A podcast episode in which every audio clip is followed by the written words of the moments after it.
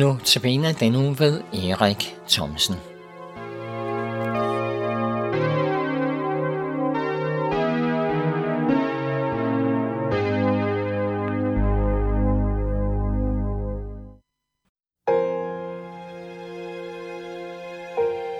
Tal,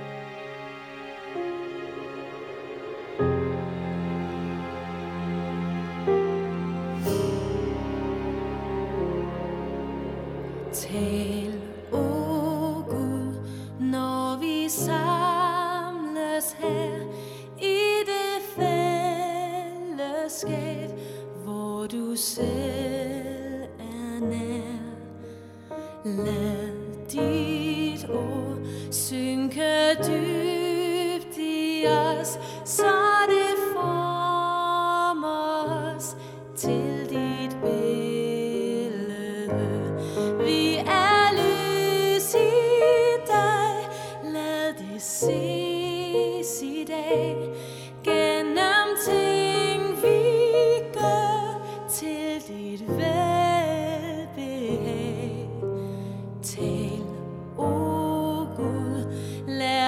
os nu at bede. Lad din vilje ske til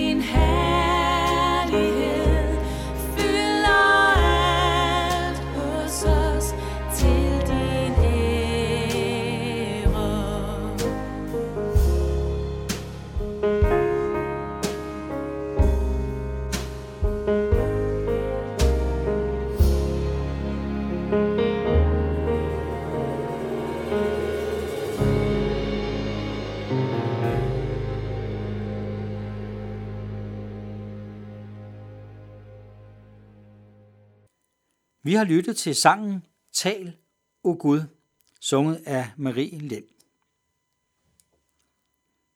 I dag er vi nået til den femte andagt i denne uge, som handler om Jeg er. Jesus siger, jeg er. Og øh, i dag der er andagten om Jeg er vintræet. Jeg er vintræet, siger Jesus. Og nu er det jo ikke fordi, at vi, der lever i Danmark, sådan har Ah, sådan massevis af vintræer, vi sådan går og kigger på. Men man kan alligevel også i vores land se nogle vintræer. Vi har set nogle hjemme på det sted, hvor vi bor på en gård. Jeg er vintræet.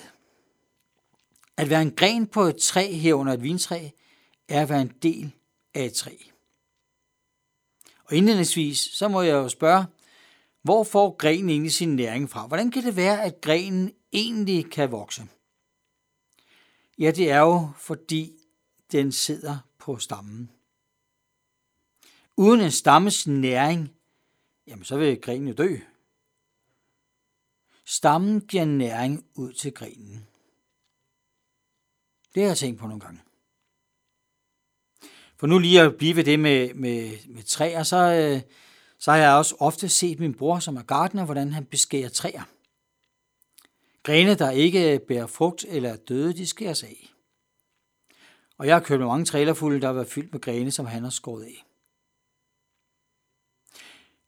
Det får på en eller anden måde sådan lidt, lidt uhyggeligt øh, skær over sig sådan i overført betydning, hvis vi sammenligner os med grene. Jesus siger, jeg er vintræet, I er grenene. Hmm.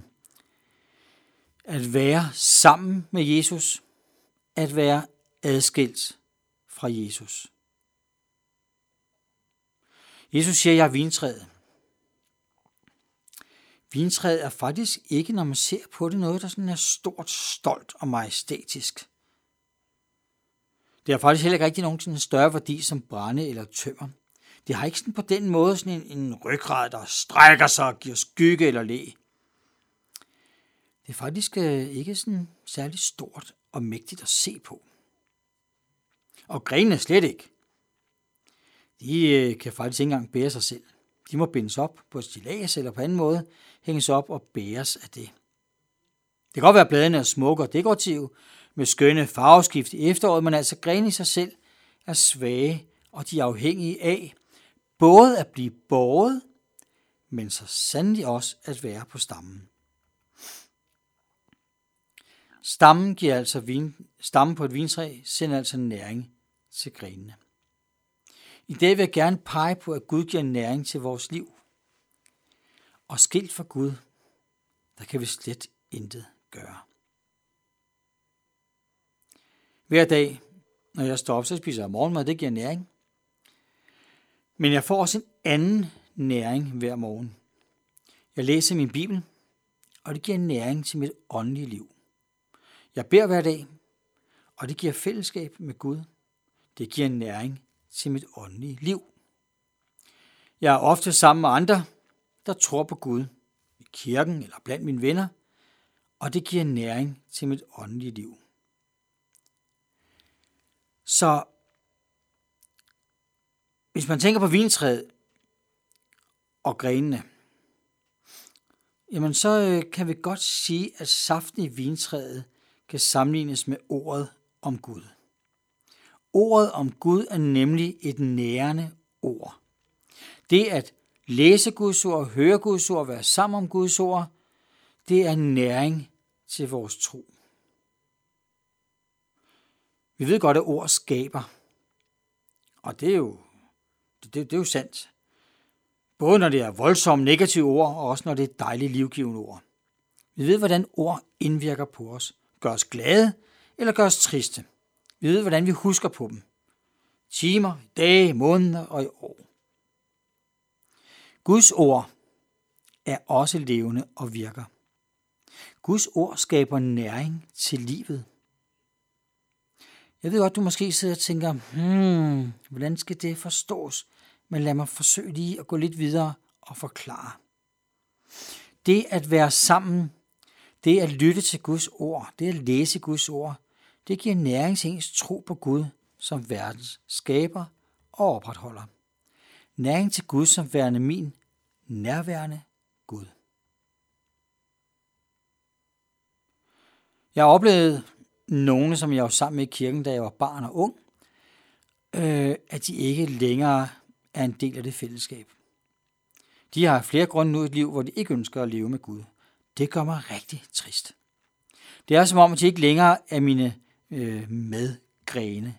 Vi er ikke længere sammen i troen på Gud. Og i den dybeste respekt for dem. Men jeg ser alligevel i overført betydning nogle tørre grene, der ikke længere får saft. Troskraften for Gud. De mangler en forbindelse mellem Gud og dem. Derfor vil jeg bede for dem. at Gud vil sende dem tro igen, og de må være åbne og modtage næringen fra Gud igen. For hos Gud, der finder jeg næring til mit liv. Jesus siger videre omkring det med han er vintræet, at den, som bliver i mig, altså den, der lever sammen med mig, og jeg i ham, han bærer mig en frugt, for skridt for mig kan jeg slet ikke gøre. Det er jo det, jeg har erfaret, at uden Jesus, så kan jeg ikke gøre noget. Øh, jo, tænker du måske. Vi kan da gøre meget, ja. Men jeg taler om dybest set, hvad er det så, vi kan gøre? Hvor meget kan vi egentlig styre vores liv? Hvor meget kan vi egentlig bestemme over vores liv? Som jeg har nævnt før os i mine andagter, så er afhængigheden af Jesus for mig noget, der er positivt. Det er noget, jeg gerne vil. For den afhængighed betyder, at han er stærk i mig, ligesom en gren får styrke og næring fra stammen. Det at være afhængig af Jesus hver dag, betyder, at han også fylder mig med glæde og næring.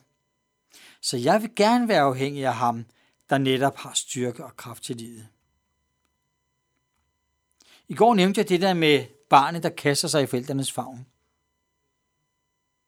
Når du tænker på Gud, så prøv at tænke på det billede med barnet, der kaster sig i forældrenes favn. Hvorfor er det, at de gør det? Fordi de tror på styrke og kræfter og kærlighed. Og de erfarer, at det er godt. Du kan også kaste dig i Guds favn igen og igen ved at læse, blot og bede en stille bøn til Gud. Gud, grib mig. Velsign mig. Vi skal lytte til sangen, der er et håb. Godt i forlængelse af det, jeg har sagt, og det er med Marie Lind igen.